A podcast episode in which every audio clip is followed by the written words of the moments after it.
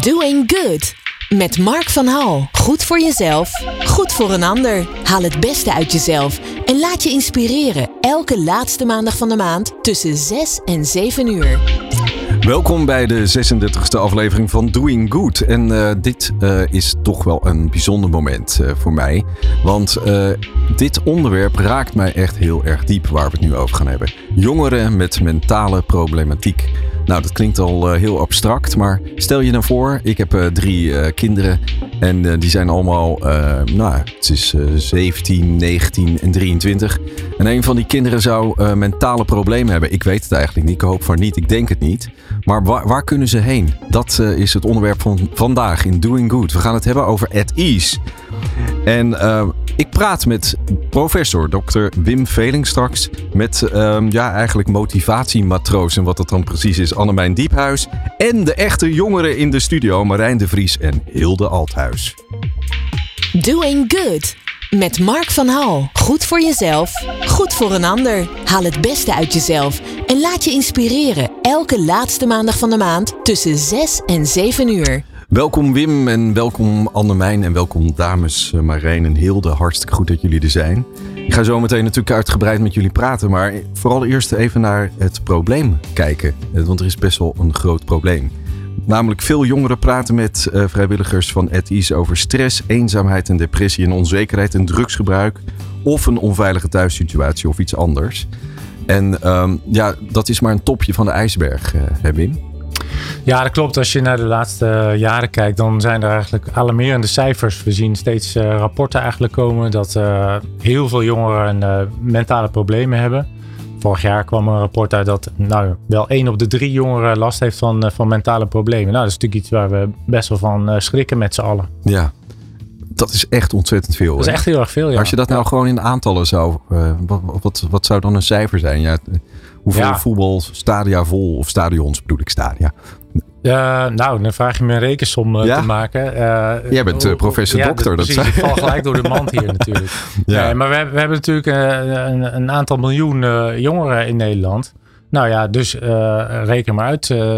Zullen we zo nou, 2 miljoen mensen hebben, jongeren die, die psychische problemen hebben. Het is gewoon echt heel erg veel. Heftig. Ja. En ja. dat is natuurlijk in allerlei gradaties. Hè? Dus, dus er zitten heel veel jongeren uh, niet lekker in hun vel. De cijfers zijn nog gestegen sinds de coronaperiode. Waar je ziet dat daarna eigenlijk de jongeren niet echt zijn teruggeveerd daarvan. Dus daar zitten we eigenlijk nog steeds in de, in de, in de nasleep van. Nou ja, en je, je hoort eigenlijk heel veel uh, best wel pittige thema's. Jongeren, nou ja, ik geef het je te doen. Je moet volwassen worden, je moet iemand worden, je moet jezelf leren kennen, je moet keuzes maken in het leven. Er staat tegenwoordig eigenlijk niks vast. Je moet overal iets van vinden en, en meegaan en, en zorgen dat je oh, presteert oh, en dat het allemaal lukt. En, ja? en doe het maar eens. Hè? Dus, en de meeste jongeren kunnen dat natuurlijk wel. Ja. Alleen je ziet dus ook heel veel jongeren die, nou ja, die daar ook moeite mee hebben. Wim, je bent uh, psychiater. Ja. In Groningen. Ja. Ja. En uh, professor dokter klinkt uh, wel, nou... Heftig, hè? Ja. ja. Hoe ben je dat zo geworden, Wim? Ik bedoel, wat is je persoonlijke drijfveer om dat te gaan worden? Nou, ik... Kijk, als, als psychiater probeer ik heel erg te begrijpen wat, ja, wat de verhalen van mensen eigenlijk. De verhalen van mensen boeien me enorm en raken me ook. De, dus mijn drijfveer om psychiater te worden was van kan ik een beetje helpen om het leven van mensen met mentale problemen wat beter te maken. Um, ja, en onderzoek is daarvoor heel belangrijk. Dus, want we snappen eerlijk gezegd nog niet zo verschrikkelijk veel van hoe die mentale problemen nou werken en wat je daaraan kan doen. Um, dus ik dacht, ja, ik combineer uh, wetenschappelijk onderzoek uh, uh, met werk in de praktijk. Hè, dus dat doe ik eigenlijk nog steeds. Dus ik zie jongeren met psychose, die weer op mijn afdeling in Groningen. En ik probeer ja, steeds ook nieuwe behandelingen te bedenken en uit te testen om te kijken of we mensen kunnen helpen dat het een beetje beter gaat. En je bent dus ook betrokken bij het initiatief At Ease. Ja, ja ik ben betrokken bij At Ease al een aantal eigenlijk sinds, sinds de start in Groningen. nou, dat is nu een jaar of drie, vier geleden eigenlijk vanuit mijn ervaring als psychiater. Want ik zie dus jongeren die nou, tussen de, wat is het, 17 en, en 25 of zo, die dan met een psychose bij ons binnenkomen. dat betekent dat ze in de war zijn, heel achterdochtig zijn, heel angstig zijn, heel veel stemmen in hun hoofd horen. Het kan van alles wezen. Um, en als ik dan terug hoor van hen, uh, ja, komt dat niet uit de lucht vallen. Kijk, die psychose is een soort uh, vulkaanuitbarsting of zo van, van uh, dat het helemaal mis is. Mhm. Maar heel vaak gaan daar jaren aan vooraf dat, ze- dat ze hebben lopen tobben en, eh, en zich zorgen maken, somber zijn. Suicidale gedachten heel, heel, komen heel veel voor. Natuurlijk heel veel sociale problemen uit gezinnen waar het allemaal niet goed loopt. Denk, ja, we zijn veel te laat. Ik zit hier in mijn ivoren toren. eh, natuurlijk kunnen we hartstikke goede dingen doen en mensen weer eh, ja, zorgen dat het weer een beetje beter gaat. En soms heel, heel goed gaat. Maar het voelt een beetje als eh, we zijn een paar jaar te laat steeds. Dus hoe kan je nou zorgen dat jongeren op het moment dat allemaal nog niet zo erg is, maar ze niet lekker in hun vel zitten, hoe kan je dan zorgen dat ze dan ja, hun weg vinden en een beetje een steun in de rug kunnen krijgen die ze op dat moment super hard nodig hebben? Ja, want en de, de komen jongeren bij jou die hebben die eh, psychose. Ja. En dan zeg je van nou, voorkomen is beter dan genezen. Eh, Zeker. Hoor ik je dat zeggen? Ja, ja, ja. Want ja, psychose is een super heftige ervaring waar, waar je, nou ja, waar je, nou, het is een beetje life-changing vaak voor mensen. Want het is, eh, je wordt aan alle kanten helemaal over de, over de kop gegooid. Is het kortsluiting dan? Als je het, eh, Ja, het is wel een mooie eh, metafoor. Kortsluiting in je brein. Je, je, raakt, je raakt in de war. En dat gaat wel weer over. Maar vaak in zo'n periode raak je, je je school kwijt. Want dat gaat natuurlijk niet meer. Je raakt je baan kwijt. Je, je vrienden snappen je niet meer.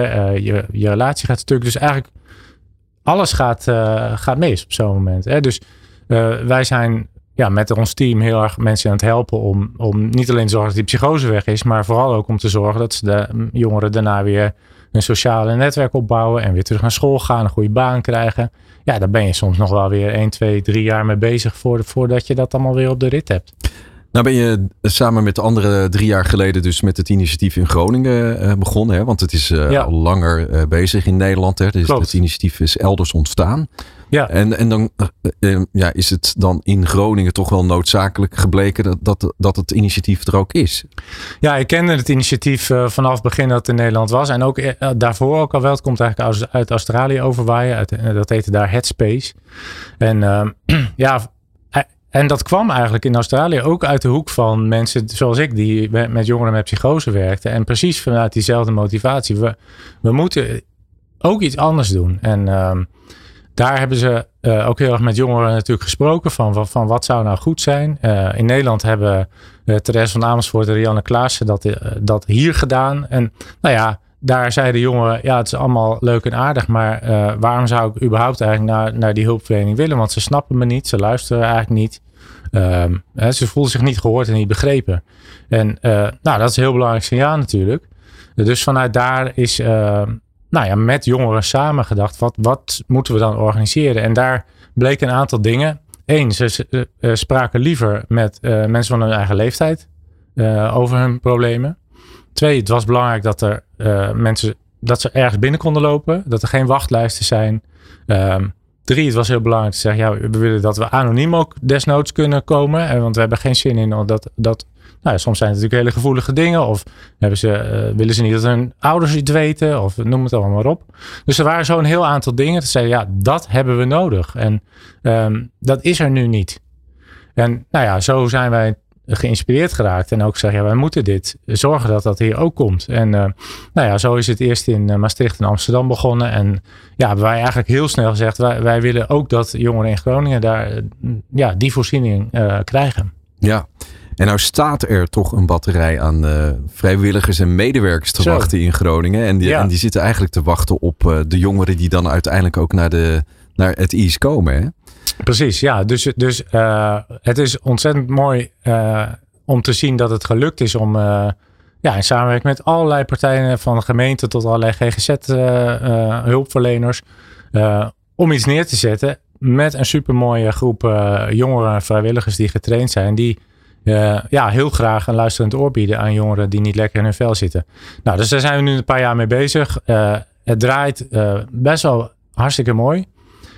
maar we hebben het, nou ja, we weten gewoon, er zijn zoveel jongeren in de stad, in de regio, die dit nodig hebben, die ons helemaal niet kennen. Hè? Dus we zijn nu eigenlijk in een fase gekomen. We zeggen, hoe kunnen we ervoor zorgen dat iedereen weet dat we er zijn?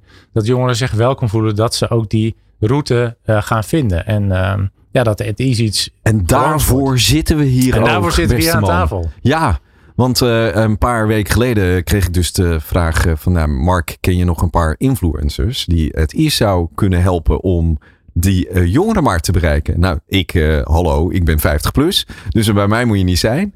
Um, we zitten hier ook een beetje op het, zeg maar, old school media park. En dan zitten we wel lekker bij Good Life Radio. Wat wil je nog meer? maar dezelfde vraag, hoe, hoe gaan we naar die influence die elke keer 3000 euro per post willen hebben? Hoe gaan we daar naartoe? Hoe zorgen we ervoor dat we via hen de jongeren gaan bereiken? En alle mensen die nu aan het luisteren zijn naar dit programma, wil ik dus vragen van Denk eens even na hoe wij dus die jongeren kunnen bereiken. Uh, zodat ze allemaal de weg naar het IS uh, weten te vinden. En als ze daar dan uh, uiteindelijk terechtkomen, dan, dan hebben we te maken met ja, een zeg maar motivatiematroos. Annemijn. Ja. Ja, dat, daar zit je dan. Annemijn, jij bent motivatiematroos bij uh, At Ease. Het is eigenlijk een niet bestaande functie, maar jij ja, had het. is heel bestaand. Ja, ik ben het. Oh, je bent het. Maar staat het ook echt op je uh, functieomschrijving, um, zeg maar? Ehm, vanaf nu wel. Oh ja, dat we hebben het nu zo gemaakt. Kun jij misschien uh, iets vertellen over jouw achtergrond en waarom je dit nou doet sinds een paar maanden? Um, ik kom oorspronkelijk kom ik van de kunstacademie, ooit. En toen daarna heb ik me omgeschoold, heb ik PABO gedaan. En toen heb ik 14 jaar in het speciaal onderwijs gewerkt. En toen heb ik uh, heel veel te maken gehad met jongeren die met heel veel problematiek rondliepen. Toen ben ik weer verder gaan uh, uh, omscholen, heb ik onderwijskunde gedaan. En vanaf daar heb ik wat projecten gedaan en ben ik benaderd om dit project te doen. En waarom denk je dat je benaderd bent? Omdat jij de ultieme motivatiematroos bent. bent. Ja, dat ja, weet ik wel zeker. Ja. Nee, maar waarom is, waarom is dat nodig bij ETI's op dit moment? Um, ik denk dat in de afgelopen jaren is de structuur heel goed neergezet. Dus uh, we weten welke regelgevingen we willen houden. We weten wie we willen bereiken. In de afgelopen drie maanden heb ik met mijn collega heel erg actief uh, zijn we in de werving gegaan. Dus dan hebben we genoeg vrijwilligers en vrijwillige professionals. En dan nu moet het inderdaad gaan lopen. En dat betekent dat het iedere keer aangezwengeld moet worden. En dat uh, is naast een influencer ook een motivatiematroos die moet dat doen. Ja, want het klinkt een beetje als een tegenstelling. Hè? Het probleem is ontzettend groot. En dan mm -hmm. staat er dan een groep mensen eigenlijk bereid te zijn om die hulp te bieden of die ondersteuning te bieden. En dan is het toch lastig om de doelgroepen ook daadwerkelijk uh, zeg maar aangesloten te krijgen. Dat is, dat is de dynamiek waar je nu op dit moment in zit. Ja, dat klopt. Ja. Maar wil dat uh, zeggen dat er helemaal geen mensen langskomen? Momenteel? Nee, nee, nee. En we zien ook op onze locatie de mensen die komen, die blijven ook eigenlijk heel trouw terugkomen. Dus ja, die vinden het zo plezierig om een gesprek te hebben met iemand van uh, hun eigen leeftijd, want dat is onze kracht. Het is peer-to-peer. -peer. Het zijn allemaal jongeren die uh, verschillende achtergronden hebben, maar ook wel veel weten van hoe werkt het nou als je uitvalt of een persoonlijke crisis hebt. Het zijn ook jongeren die veel stage bij ons lopen vanuit de TP of social work. Dus ze weten alles vanuit de gespreksvoering. En dan krijg je ook een gesprek op kwaliteit. Want naast een luisterend oor moet je ook iemand hebben die jouw problematiek heel goed begrijpt. En waarom raakt uh, dit onderwerp jou zo? Um, ik ben een kopkind. Dus dat betekent dat ik een uh, familielid heb uh, met psychiatrische problematiek. En als ik nu terugkijk, toen ik die leeftijd was, denk ik, God, wat had ik het nou fijn gevonden. Want ik had een hele warme vriendengroep. Want ik behoor jou dat je zegt, ja, maar ik heb deze kinderen van deze leeftijd, dat gaat wel goed. Je weet niet naast je sociale leven of er ook daadwerkelijk ruimte is om je verhaal te vertellen. En ik denk dat zo'n soort, uh, ja, iets als at ease, dat had ik heel erg plezierig gevonden. Want je, er zit ook veel schaamte bij. Als je met dingen rondloopt en je bent al, je hebt, oh god man, je hebt gierende hormonen, je weet helemaal niet hoe dingen zitten. Dan kan ik me zo invoelen dat het fijn is dat je dan bij mensen zit die niet in jouw sociale cirkel zitten, maar wel heel actief naar jou kunnen luisteren. En dat je niet direct bij een hulpverlener terecht moet komen om te praten over hoe uh, ontzettend uh, zielig het allemaal thuis is. Ja, want ik denk natuurlijk uh, met mijn kinderen, die hebben nergens last van. Uh, tenminste, dat nou, denk dat weet ik. Je niet. Maar dat weet ik eigenlijk niet. Nee. En, en het kan ook best zijn dat ze misschien iets hebben waar, waar, ze gewoon liever niet met mij over praten, maar, maar gewoon met iemand anders uh, graag contact willen hebben. Dat ja, is, nou, ja, maar het mooie is, kijk, stel je voor, die drempel is nog steeds groot. Hè, en je wil niet bij ons naar binnen. Ik zou niet weten waarom, want ik heb echt de leukste vrijwilligers. En ze ja. zijn echt fantastisch. Maar we hebben ook de chat. Ja. Dus, en dat is nog laagdrempeliger. Dat kunnen ze... Dus dan kan je gewoon vanuit je eigen positie thuis kan ja. je chatten zonder dat je precies je hele naam hoeft te delen en, uh, en wat en dan ook. daar zijn ook wel uh, afspraken uitgekomen van ja. mensen die zo'n goede ervaring hebben gehad op de chat, dat ze daar een locatieafspraak maken en daadwerkelijk langskomen. Ja. Nou, we gaan uh, naar het eerste nummer, uh, eerste muziekstuk uh, wat we gaan draaien. Het klinkt eigenlijk als Radio 4 dat ik dat nu aan. De, we gaan het eerste muziekstuk draaien. Nee, maar het gaat er eigenlijk om. jij hebt voor dit stuk ja. gekozen, hè, voor dit lied. het is RuPaul. Met, het gaat over supermodel. En ik vond het wel eigenlijk wel heel gaaf dat je dit nummer aanreikt. Want het heeft ook een beetje van ja, ik moet presteren. Ik moet gewoon uiteindelijk ervoor zorgen dat ik shine en, en deze wereld uh, zeg maar tegemoet niet, red. Niet presteren. Je moet nee, maar het, bedoel, het beste uit jezelf halen. Ja, ja maar, nee, maar ik dacht in eerste instantie, nou, je moet even uh, best wel aan de slag uh, om. Dus we gaan er zo verder op in. Okay. Maar de, er is het beste uit jezelf halen. En je moet presteren. Dat is eigenlijk de dynamiek waar ik voel dat heel veel jongeren op dit moment in zitten. Mhm. En het beste uit jezelf halen klinkt als, uh, als heel mooi. Hè? Als mhm. van een soort van ruimte en vrijheid. Maar hoe moet ik dat in vredesnaam doen? Uh, dat is natuurlijk gewoon vaak ook de dynamiek. En uh, dat presteren, laten we eerlijk zijn. Ik als grijze duif moet ook elke dag presteren in deze maatschappij. Laat staan de jongeren. Dus laten we eerst gaan luisteren naar RuPaul. You better work.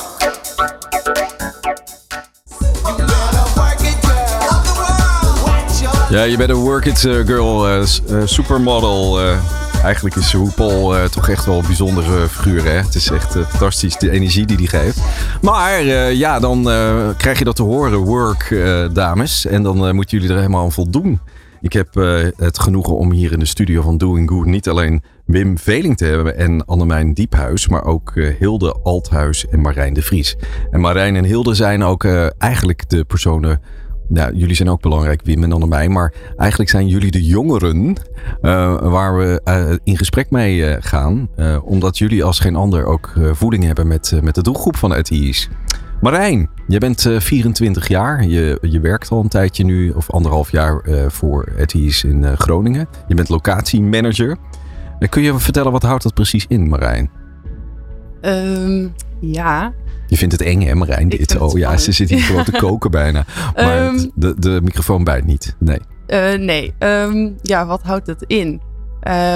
Ja, locatiemanager houdt ook wel in dat je echt uh, op locatie bezig bent, contact hebt met de vrijwilligers, met de vrijwillige professionals. En uh, dat zij eigenlijk ook gewoon goed hun werk kunnen doen en de gesprekken kunnen voeren met de jongeren.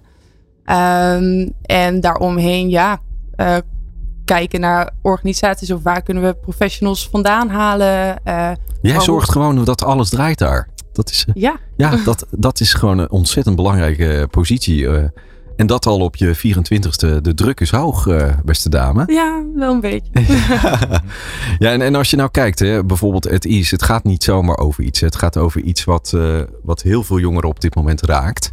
Um, wat raakt jij, jou nou in het werk uh, wat je doet? Wat, wat merk jij dagelijks? Um, ja, uh, moet zeggen, ik heb vrienden om me heen die ook wel uh, met problematiek zelf zaten. En uh, nou, toen dacht ik zo van, oh, het is zo jammer dat zij pas zo laat, zeg maar, um, nou, dat het zover heeft moeten komen dat ze wel naar een psycholoog moeten of zoiets. Dus ik vind het initiatief van het is super mooi dat je eigenlijk nog een beetje laagdrempelig met leeftijdsgenoten in gesprek kan gaan. En uh, wat ik ook zie is dat uh, onze vrijwilligers ook echt mooie gesprekken hebben met de jongeren. En uh, dat jongeren ook bij ons vandaan komen en dat ze ook echt aangeven dat ze echt wat hebben gehad aan het gesprek. En uh, ja, dat het eigenlijk iets heeft opgeleverd voor hun. Heb je zelf dus mentale problemen gehad als je het zo bekijkt? Ja, ik heb er zelf ook mee rondgelopen en eigenlijk ook te lang. Um, en uh, dus ik dacht ook al van, oh, zo'n initiatief als At Ease, ja, dat had, als ik er eerder van had geweten, dan had ik daar zeker gebruik van gemaakt. Ja, want je zegt te lang, hè? Want wat, wat, wat ja, als je het wil delen, hè, het hoeft niet per se, maar als je, als je nou even teruggaat naar die tijd, hoe weet je dat het te lang is dan, achteraf gezien? Um, nou ja, ik merkte dat ik steeds minder in me, of ja, minder goed in mijn vel zat. En uh, dat ik daardoor mijn werk en school ook uiteindelijk steeds minder goed kon doen. Uh, nou ja, niet veel meer met vrienden afsprak. En echt wel wat meer ja, in mijn kokonnetje, zeg maar, trok. Ja. Um, ja. Dus je gaat in je kokonnetje en dat, ja, dat, dat merk je dan op een gegeven moment later pas, neem ik aan. Ja. Of had je dat niet in de gaten? Um, nou, ik merkte het aan de ene kant wel. en eerst dacht ik van, oh ja, nee, maar ik, het lukt wel. Of ik kan mijn ding verder nog, wat ik moet doen, dat kan ik doen. Dus um, ja, zo iedere keer doorgezet totdat op een gegeven moment merkte ik gewoon dat ik dus school en werk, dat dat gewoon uh, ja, lastig werd. Ja, want Wim, je, even terug naar jouw vak. Hè? Want als je dit zo hoort, dan kan je zeggen, nou, dat is een soort van glijdende schaal waar uh, jongeren dan in terechtkomen. En dat kokonnetje gaan opzoeken, dat voelt in eerste instantie bij mij, een kokonnetje voelt als een soort van veilig, maar het is mhm. een soort van schijnveiligheid, neem ik aan. Nou ja, iedereen probeert natuurlijk uh, dat te herkennen. Wij zelf natuurlijk ook. Uh, als je niet lekker in je vel zit, dan, dan probeer je goed voor jezelf te zorgen. En het voelt dan eigenlijk als, als veilig inderdaad en prettig om dan in je kokonnetje te gaan zitten. Dus dat is een hele logische reactie. Ik vind het mooie van het I, zeg maar, die, als je die gesprekken daar ziet, uh, is dat. Uh, kijk, ik heb een beetje een vertekend beeld. Want als psychiater zie je, zie je mensen die, die vastgelopen zijn. Maar, ik vind het super tof om te zien dat door die gesprekken met de, met de jongeren. Uh, dat jongeren heel prima in staat zijn om de boel weer op te pakken en, en hun weg te vinden. Dus het, het, het, het, levert ook, nou dat hoor ik jou ook zeggen Marijn, het, het levert gewoon onwijs mooie dingen op. Ja, want Marijn, je bent uiteindelijk zelf een soort van uitgekomen, want je zit hier eigenlijk te, te stralen. Nou hoeft dat ook niets te zeggen, hè? om even het nummer van Maan, ze lacht als ze huilt. Maar je, ziet, je zit hier zelf verzekerd en je bent locatiemanager. Um, je bent er wel uitgekomen uit, uit die uit dat kokonnetje. Hoe, heb je dat voor jezelf gedaan? Um, ja, ik ben er uiteindelijk over gaan praten. Uh, met mensen op school, maar uiteindelijk ook uh, met mijn beste vriendin. Uh, en uiteindelijk het gesprek met mijn, nou, eerst met mijn moeder aangegaan. En um, ja, zo eigenlijk, nou ja, eerst maar naar de huisarts gegaan. Via de huisarts ben je op POH gekomen en vanuit daar naar een psycholoog. Ja. dus ja. Dus erover praten. En dat, is, dat klinkt uh, makkelijker dan het, uh, dan het is. Hè? Dus erover praten heeft jou geholpen. En juist uh, heb ik begrepen, het IS helpt dat erover praten. Al dat er ruimte komt om dat proces in te gaan waar je uiteindelijk ook terecht bent gekomen. En wat betekent nou, hoe ben je uiteindelijk echt aangesloten bij het IS? Want is dat ook je motivatie geweest van potverdorie, ik heb het zelf misschien niet kunnen doen, maar ik wil het wel aan, aan, aan de andere jongeren kunnen bieden? Nou, mijn vader die heeft voor ja, Molendrift had hij een app ontwikkeld. En die is dus met Maarten in gesprek geweest. En Molendrift is een van de... Dat is een organisatie die betrokken is bij het IS Groningen. Ja. En um, ja, zo... nou, toen raakte ze aan de praat en over... Nou, ik heb een dochter, woont in Groningen. En uh, nou, zo contact eigenlijk gehad. En uh, toen vroegen ze of ik eerst mee wou helpen met uh, ja, promotie voor het IS Groningen. En um, nou, daarover gehad. En wat is het IS? Wat doet het IS? En ik vond het zo mooi dat ik dacht van, oh, hier wil ik echt deel van uitmaken. Wauw. Fijn dat je dit doet ook. Ja. En ook Hilde. Van harte welkom Hilde. Ja, dankjewel. Ja, zit je hier als 19-jarige opeens achter een microfoon in, in Hilversum op het Mediapark. Ja, Um, jij bent ook betrokken bij het IS. Je, bent, uh, je doet social work, hè? dat is een opleiding. Wat, wat is dat voor een opleiding? Ik hoor, ik hoor het steeds meer. De mensen ja. die social work gaan doen. Social work, het is, uh, ja, het is eigenlijk ook super breed. Dus je kan heel veel kanten op. Uh, ja, maatschappelijk werk, een beetje in het Nederlands, sociaal werk. Ja. Um, ja, dus je kan ja, eigenlijk gaat het gewoon. Ik leer heel veel gespreksvoering. Ik leer heel veel verschillende soorten problematiek die er zijn. Eh, voor heel veel verschillende leeftijden. En ik heb dan uiteindelijk gekozen voor uh, jeugd in het tweede jaar om me daar meer in te verdiepen. En ja, zo ben ik hier ook eigenlijk terechtgekomen. Ja. Nou, jij bent 19, hè? Ik bedoel, uh, als je het hebt over de doelgroep, zit je er middenin. Ja, klopt. Ik, uh, alleen qua leeftijd, maar ik weet natuurlijk niet of, of dat qua problematiek zo is. Maar je voelt je wel aangesproken. Ik bedoel, je hebt wel contact met het onderwerp. Zeker. Wat doe je nou zo'n zo'n week voor het IS, als je het, als je het zou kunnen vertellen? Uh, ja, nou, ik, uh, ik ben dan op locatie. Dus ik ben gewoon bij Ethisch Groningen. En uh, daar komen dus jongeren langs die dus problemen hebben. En, of in ieder geval een luisterend oor zouden willen. En daarmee ga ik dan eigenlijk in gesprek samen met een andere vrijwilliger. Dat doen we altijd met twee vrijwilligers. En ja, je luistert eigenlijk en je stelt vragen. En je stelt ze op, op, op hun gemak. Voor zover dat natuurlijk kan. En um, dat is eigenlijk vooral wat je doet. En er is ook dus een chatfunctie. En ik chat ook veel met, uh, met jongeren. Die niet durven te komen of niet kunnen komen. Dus dat zijn eigenlijk de twee dingen die ik voornamelijk uh, bij het IS doe. Ja, maar het lijkt me ook best wel heftig af en toe. Ja, dat klopt wel. Ja. Kun je daar iets over zeggen?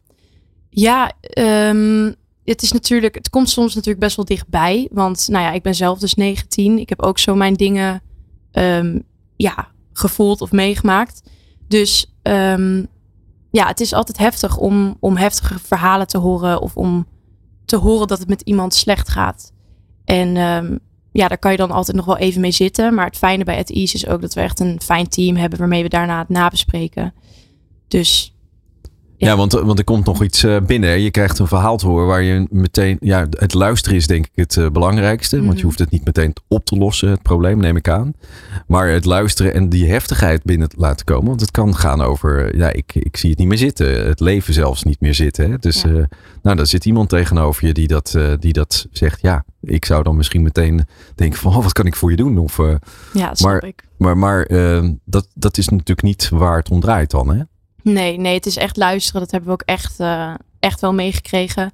En je merkt ook dat dat gewoon is wat echt eh, impact maakt. Of wat echt iets kan veranderen. Het luisteren gewoon.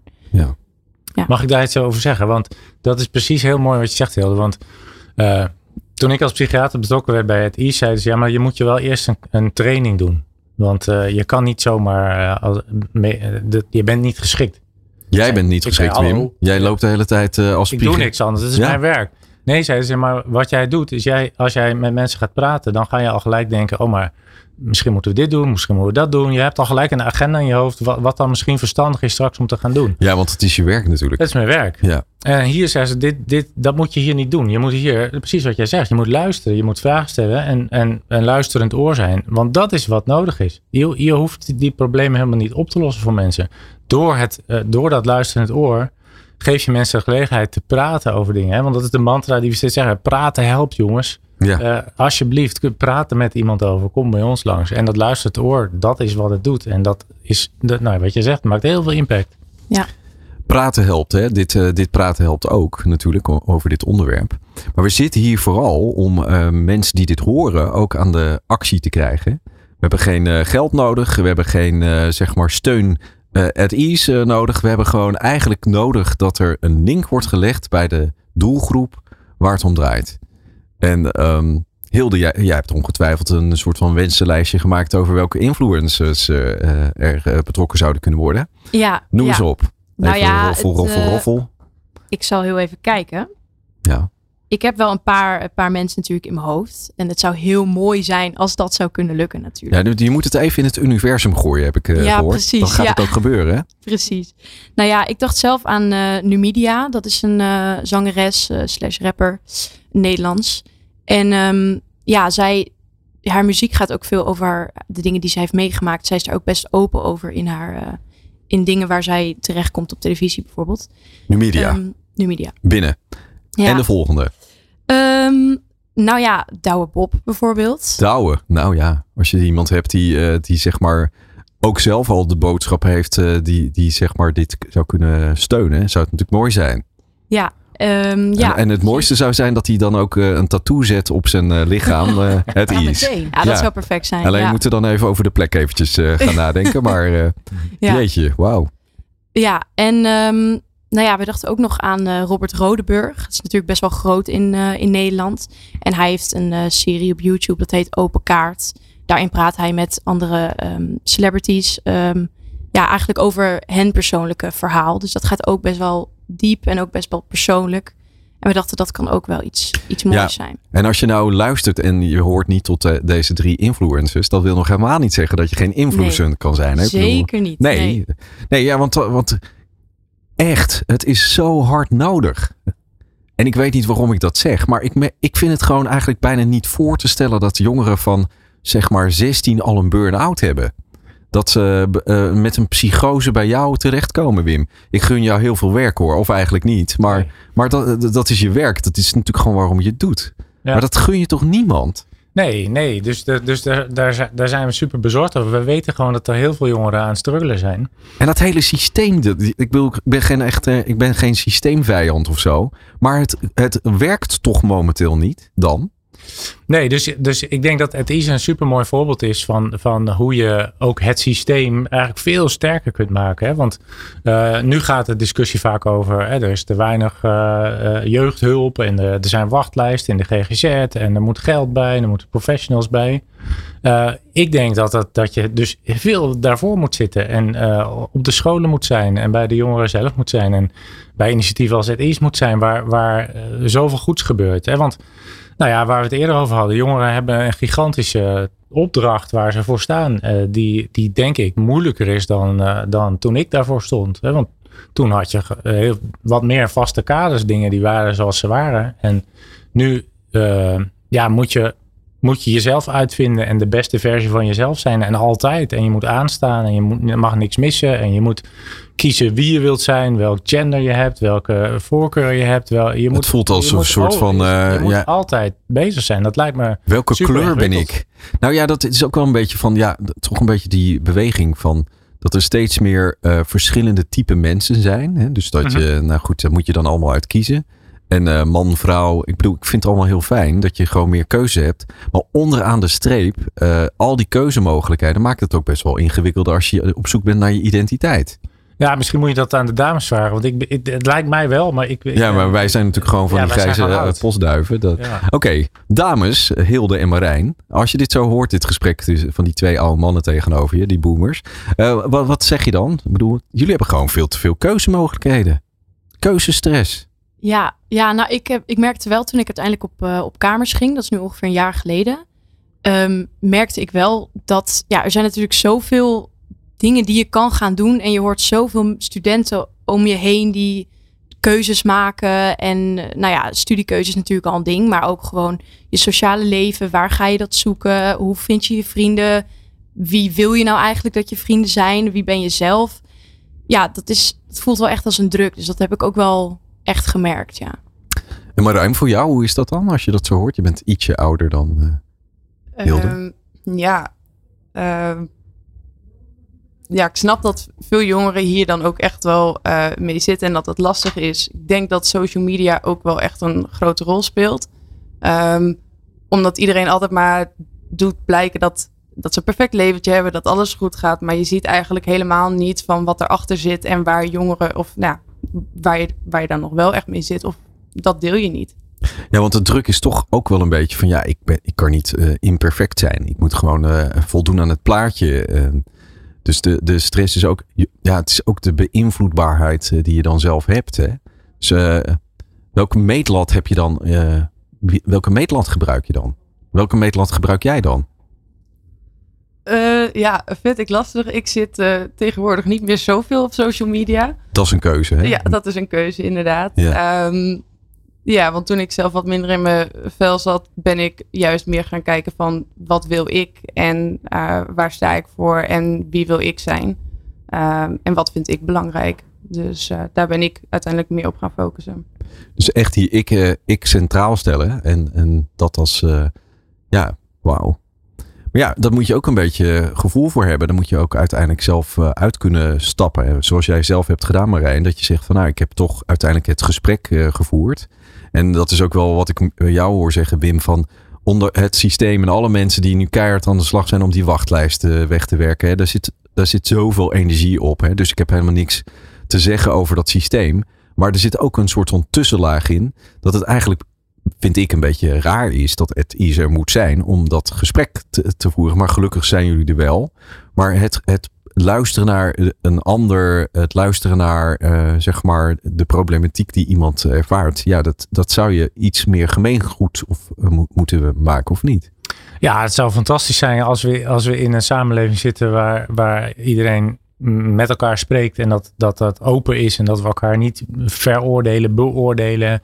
eh, dat we eh, eh, niet in hokjes denken en niet mensen als anders zien en dus minder. Maar goed, dat is volgens mij van alle tijden. Dat is wat, hoe, hoe mensen ook een beetje in elkaar zitten. Dus, en zeker in die leeftijdsfase is dat, is dat denk ik nog ingewikkelder en nog spannender.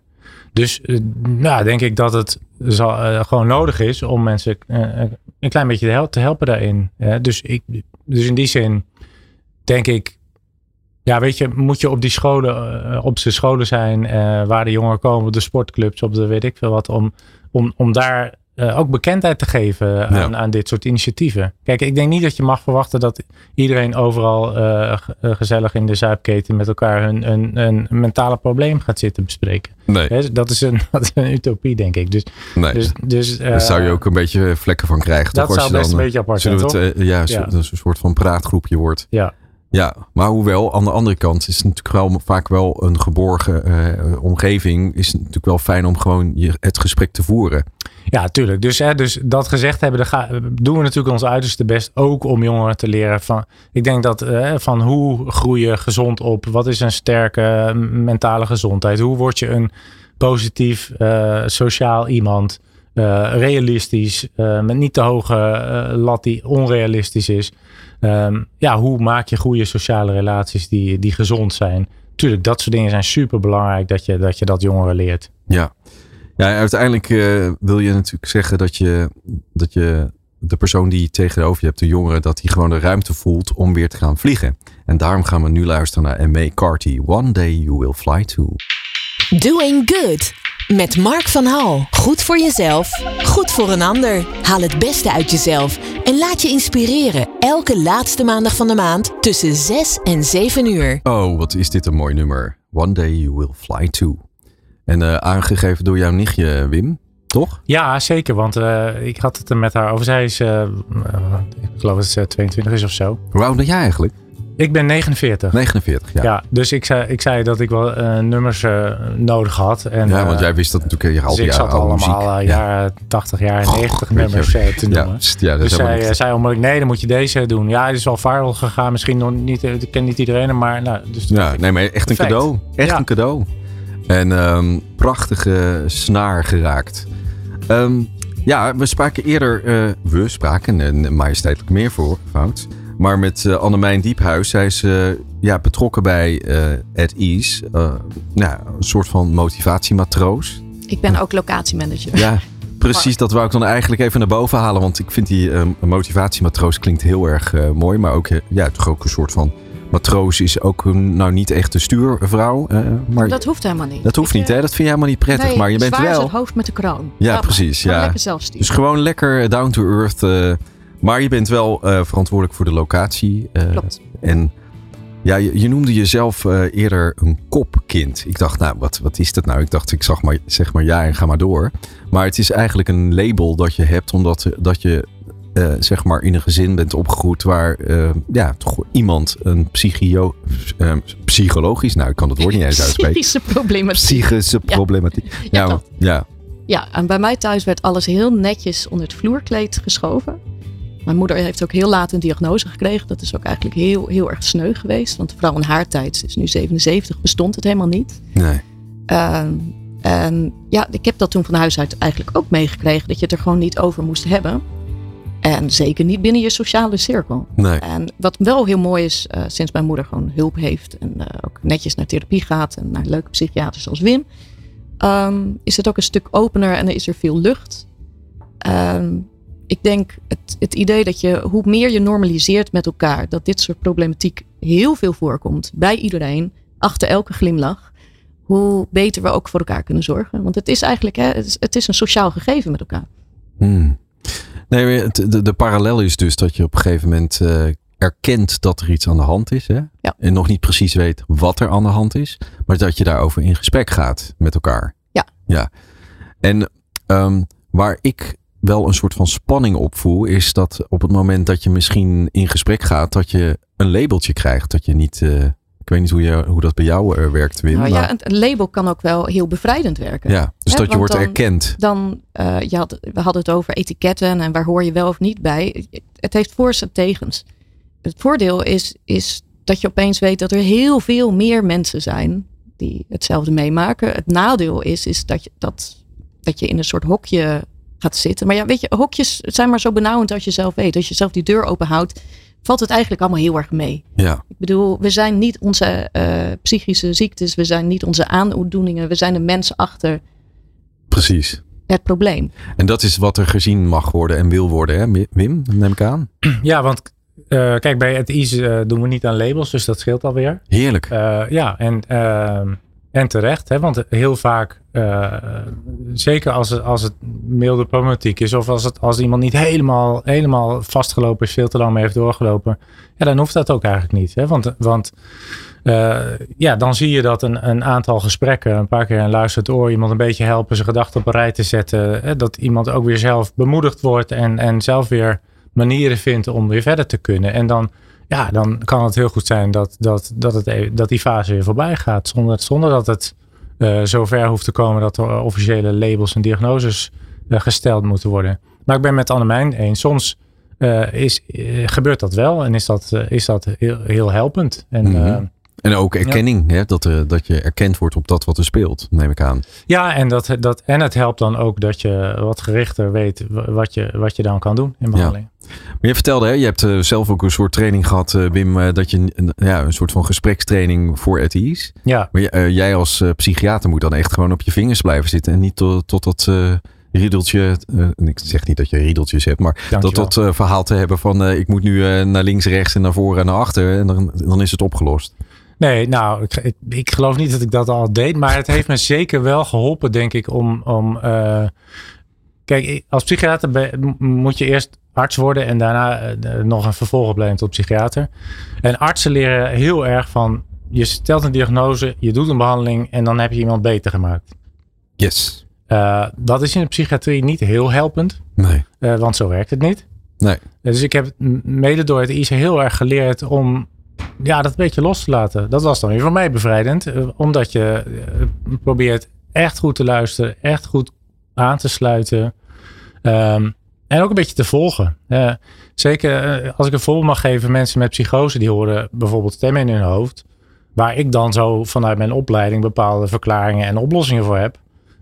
Die misschien helemaal niet zo goed passen bij iemand die, die dat misschien ziet als een spirituele entiteit. Of iets, iets, iets een energie niet per se positief misschien, maar wel op een manier denken: oké, okay, ja, uh, nou ja, ja, nou laten we dat eens volgen en kijken wat ik met mijn stukje kan bijdragen. Dus, dus in die zin uh, heeft ja, dus het is mij ook een beetje uh, geleerd om uh, bescheidener te zijn en beter te luisteren en aan te sluiten. En dan te zien wat mensen dus enorm veel zelf in hun mars hebben om die en heel veel veerkracht hebben. En, uh, dus ja, het heeft jou ook ruimte gegeven? Het heeft mij ruimte wow. gegeven en, en het leert mij dingen, ja, zeker. Ja.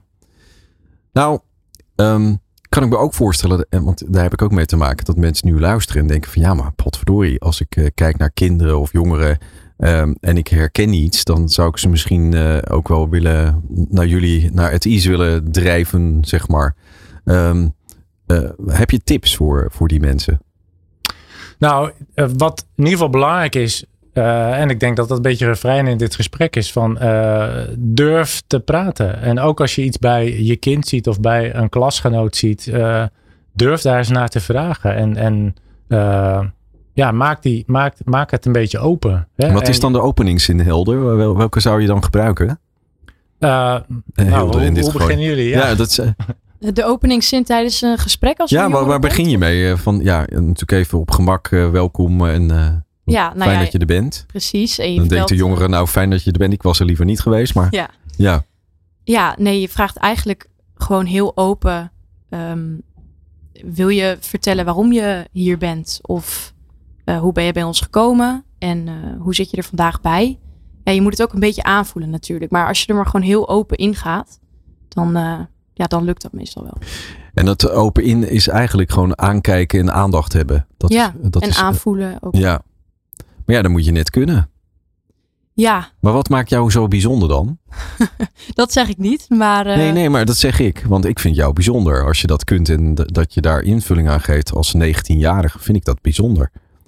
Ja, ik denk um, dat als je echt, echt je aandacht hebt bij de ander en echt luistert, dus niet terwijl iemand praat al probeert een vraag te bedenken of te denken van, oh, ik wil dit gesprek heel goed voeren. Maar als je echt in het moment bent en luistert naar wat de jongeren te zeggen hebben, dan kan je niet zoveel verkeerd doen. Ja, en dat is denk ik gewoon wel iets wat uh, de sleutel is. Hè? Ja. Dat je echt tegenover iemand zit en niet met je eigen verhaaltje bezig bent, maar met het verhaal van de ander. Mhm. En niet meteen de oplossing klaar hebt voor die ander. Want daar zitten mensen helemaal niet op te wachten. Nee, Nee. nee, ook al heb je die soms natuurlijk, je hebt altijd je eigen perspectief. Dus je denkt altijd van, oh, misschien zou dit diegene kunnen helpen. Of, maar ja, dat moet je toch een beetje loslaten. Ja. Marijne, hoe is dat voor jou? Als je, dat, eh, als je eh, iemand tegenover je hebt, eh, zet je dan je super, Superman of Superwoman cape op? Of eh, Ehm, ben je nou, dan de redder? Of ik kan me voorstellen dat er best wel een dynamiek is. Ja, nou, ik voer zelf de gesprekken bijna niet. Ehm, heel af en toe doe ik dat dan wel, maar dan laat ik eigenlijk de andere vrijwilliger wat meer aan het woord. En af en toe spring ik dan bij met een vraag als ik denk van, oh, maar hoe zit dat dan? Ehm, dat ik daarbij spring. Eh, op de chats, ja, die doe ik dan wel.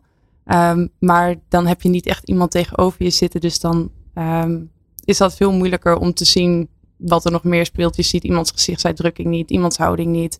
Eh, dus ja, chat is wel weer heel iets anders dan eh, fysiek gesprek. Ja, want ik kan me ook voorstellen dat de drempel in de chat eh, wat minder groot is om iets te delen. Maar het kan ook eh, heftiger zijn eh, dan in persoonlijk gesprek. Van, ik Ja. zie het niet meer zitten. Oké, Ja, op de chat zien we dat wel vaker. Dat jongeren toch wat makkelijker zoiets vertellen, inderdaad. en, en hebben jullie dan, een, je hebt ongetwijfeld dan een training gekregen hoe daarmee om te gaan of niet? Ja, klopt. Alle vrijwilligers en vrijwillige professionals, en ik dus ook, die krijgen een tweedaagse training. eh, en daarin wordt verteld eigenlijk wat het IS doet of is en wat we doen bij het IS en hoe we met zulke gesprekken omgaan. Ja. Het klinkt ook een beetje, ja, vroeger had je de kindertelefoon, die is er nog steeds. Hè? Wat, is er, wat is er anders aan, eh Annemijn? Dan de kindertelefoon. Ja, nee, ik bedoel, ik- wij zijn een beetje opgegroeid met de kindertelefoon, dat je kon bellen via dat... Jij, jij Nick? Ja, ja, ja, ja, ik in ieder geval. Maar ik heb het nooit gedaan trouwens. Nee, maar, ik ook niet. Nee. Maar eh, het is eigenlijk de ruimte krijgen of een soort van mogelijkheid krijgen om met je, met je probleem ergens naartoe te gaan. Maar dit gaat wel wat dieper, hè?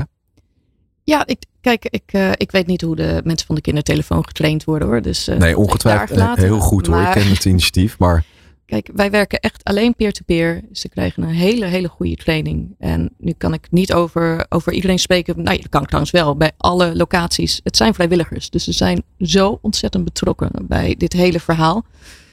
Ehm, ze staan er ook eigenlijk altijd.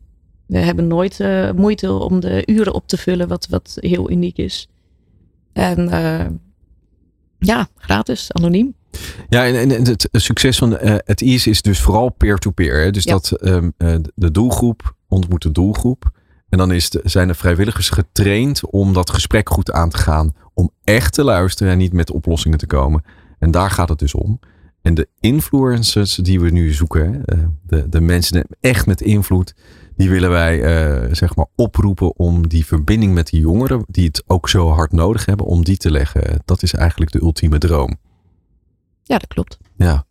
Wim, ehm, als je nou kijkt, hè, ik wil toch even toch naar de problematiek even terug. Ja, de pijn is nooit leuk, maar er is gewoon heel veel pijn. Er is heel veel, eh, ook onbegrip, hè, ook voor jongeren. Ik hoor ook zelfs eh, generatiegenoten wel eens zeggen, ja, wat, eh, ja, weet je, er moet overal over gepraat worden. Eh, ehm, waar, waar, waar, is, waar is de ruggengraat gebleven? Be- een beetje dat soort mentaliteit van niet te lullen, maar poetsen. Waar heel veel zeg maar mensen Mhm. mee opgegroeid zijn. Maar toch, ja, daar, hel- daar help je ze natuurlijk niet mee. Om, om met, van joh, ga eens even recht staan. doe eens even je best. Dat is nou de druk die ze voelen. Ja, precies. Dat is, dat is te simpel. Ik bedoel, er valt een hele boom eh, op te zetten over wa- waarom het zo is zoals het is. Of Ja. waarom jongeren zoveel, zoveel moeite hebben. Ehm, maar het feit is dat het, dat het zo is en eh, dat jongeren zich niet aanstellen. Hè? Eh, dat er serieuze struggles zijn en mensen het echt moeilijk hebben. Dat is een feit. Dat, ik, ben in, nou ja, dat hoor ik ook altijd van de, van de vrijwilligers terug. En dat hoorden we dit uur ook een beetje over wat voor heftige onderwerpen het kan gaan. En wat mensen allemaal meemaken in hun, in hun jonge leven. Wat er allemaal al gebeurd is soms. En hoe eenzaam ze zijn. En hoe ze niet weten hoe ze verder moeten. Eh, en ook heel vaak niet de omgeving hebben die, dat, die, die ze daarin kan helpen of wil helpen. Of, ja, dat is indrukwekkend hoor. Om te, om, om te zien wat er, wat er allemaal speelt in de levens van jonge mensen.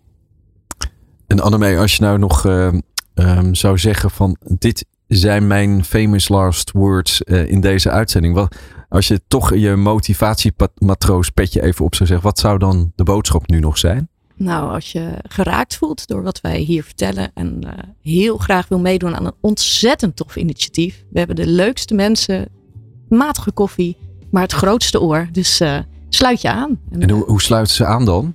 Ja, dat kan online, dat kan via, uh, via e-mail, dat kan via, we hebben ook een landelijk telefoonnummer. En ja, socials, kom op. Social media mensen. Spread the word. Spread the word. Spread the word. En uh, nou ja, de, de koninginnen van, uh, van, van deze uitzending, namelijk de dames van de doelgroep. Uh, Marijn en Hilde, wat, wat willen jullie zeggen? Um, nou, ik wil ook nog zeggen, ook als je niet iets heel serieus ervaart of niet iets heel heftigs ervaart, ook met iets kleins, ben je welkom bij ons. En nou ja, wat Annemijn al zegt, influencers, kom gewoon naar ons, stuur ons een DM of een mailtje.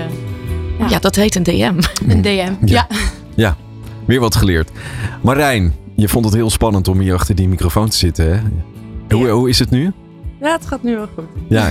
En het mooie is, je hebt gewoon daar woorden aan gegeven. Je hebt het even gedeeld en, uh, en nou, hopelijk hebben we je op je gemak kunnen zetten. Ik heb uh, met heel veel plezier uh, vragen gesteld en geluisterd. Maar ik ben er ook echt van overtuigd dat als jij luistert op dit moment en je voelt maar een kleine beweging om het Ease te kunnen helpen met hun mooie werk doe dan vooral zeg maar die beweging, volg die beweging.